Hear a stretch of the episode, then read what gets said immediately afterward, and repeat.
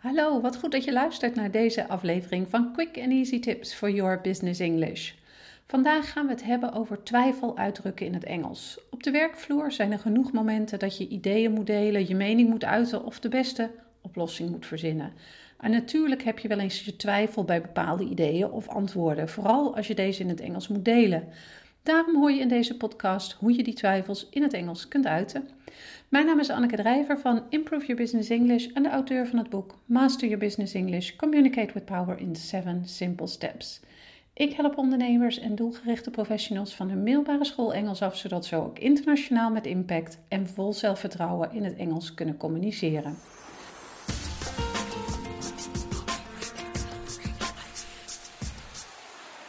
Het is logisch dat je soms twijfelt over je antwoorden of ideeën. Maar wat er vervolgens vaak gebeurt als je in een omgeving bent waar je Engels moet spreken, is dat twijfel ervoor zorgt dat je stil blijft. En dat is zonde. Want je zit niet voor niets in een team, een vergadering of op een bijeenkomst. Je mening mag dus gehoord worden. En dat je misschien niet 100% zeker bent van je mening, betekent niet dat je dan maar niets hoeft te zeggen. Je kunt best zeggen: Ik denk dat het zo zit, maar ik weet het niet helemaal zeker. Hoe je dat aangeeft in het Engels, dat kan op meerdere manieren. Een korte situatieschets. Stel dat jullie binnenkort een congres hebben met het bedrijf. In een vergadering bespreken jullie de laatste voorbereiding voor dat congres. Opeens merk je dat je collega het telkens over 13 september heeft, terwijl jij in je agenda hebt staan dat het er congres op 12 september is. Je weet bijna zeker dat je het juist hebt overgenomen, maar aangezien niemand van je collega's iets zegt over de datum, twijfel je. Dan kun je tussendoor zeggen: If I'm not mistaken, the Congress is on September 13th. Met de eerste zin, if I'm not mistaken, geef je aan dat je enigszins twijfelt en dat je een fout zou kunnen maken. Maar je houdt het ook heel zakelijk en netjes. Je verwijt niemand dat diegene het verkeerd heeft, maar geeft toch duidelijk aan hoe je denkt dat het zit. Een andere manier om twijfel uit te drukken is met de woorden as far as I know. Stel je voor dat jullie in diezelfde vergadering afvragen of een concurrerend bedrijf ook aanwezig zal zijn op het congres. Dan zou het betekenen dat jullie misschien extra hard je best moeten doen eh, om de aandacht te trekken. Toevallig heb jij vorige week de lijst met aanwezigen gezien en heb je gezien dat er niemand van het bedrijf op de lijst stond. Maar je weet niet 100% zeker of dit nog steeds zo is omdat het natuurlijk zou kunnen dat er in de laatste weken ineens nieuwe personen zich hebben aangemeld. Dan kun je bijvoorbeeld zeggen: As far as I know, they are not going to this congress. Voor zover jij weet gaan de concurrenten niet, maar met deze uitdrukking geef je ook aan dat je niet alwetend bent en je er dus naast zou kunnen zetten. Volgende dilemma in de vergadering.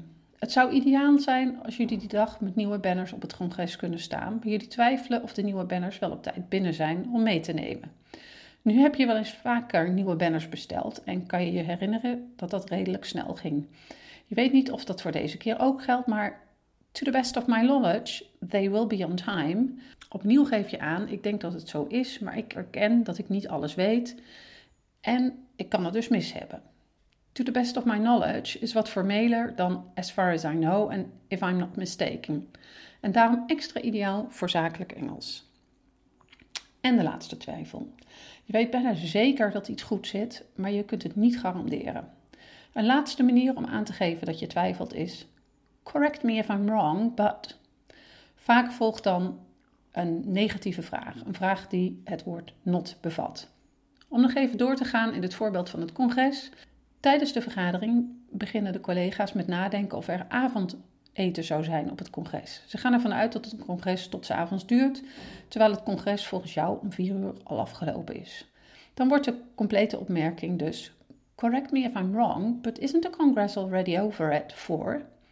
Opnieuw is er in deze uitdrukking niets waarmee je de ander beledigt. Je zegt geen you're wrong of that's not the case. In plaats daarvan druk je je op een beleefde manier uit dat je collega's het volgens jou bij het verkeerde eind hebben.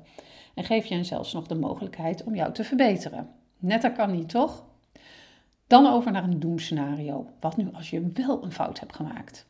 Als het congres toch wel om acht uur afgelopen is, of als de nieuwe banners te laat binnengekomen zijn, dan volstaat de heerlijke Engelse uitdrukking: Oh, I stand corrected. Oftewel, oeps, ik had het mis. En verder hoef jij je eigenlijk geen zorgen te maken. Je hebt immers nooit gezegd dat je 100% zeker was van je zaak. Dit waren vier manieren om in het Engels twijfel uit te drukken. Ik zet ze nog één keer op een rijtje. If I'm not mistaken, as far as I know, to the best of my knowledge, Correct me if I'm wrong, but. Ben je nu op zoek naar meer manieren om jouw zakelijk Engels te verbeteren? Bezoek dan onze website www.improveyourbusinessenglish.nl en vergeet je ook niet te abonneren op deze podcast voor meer snelle en eenvoudige tips voor jouw zakelijk Engels. See you next time met quick and easy tips for your business English.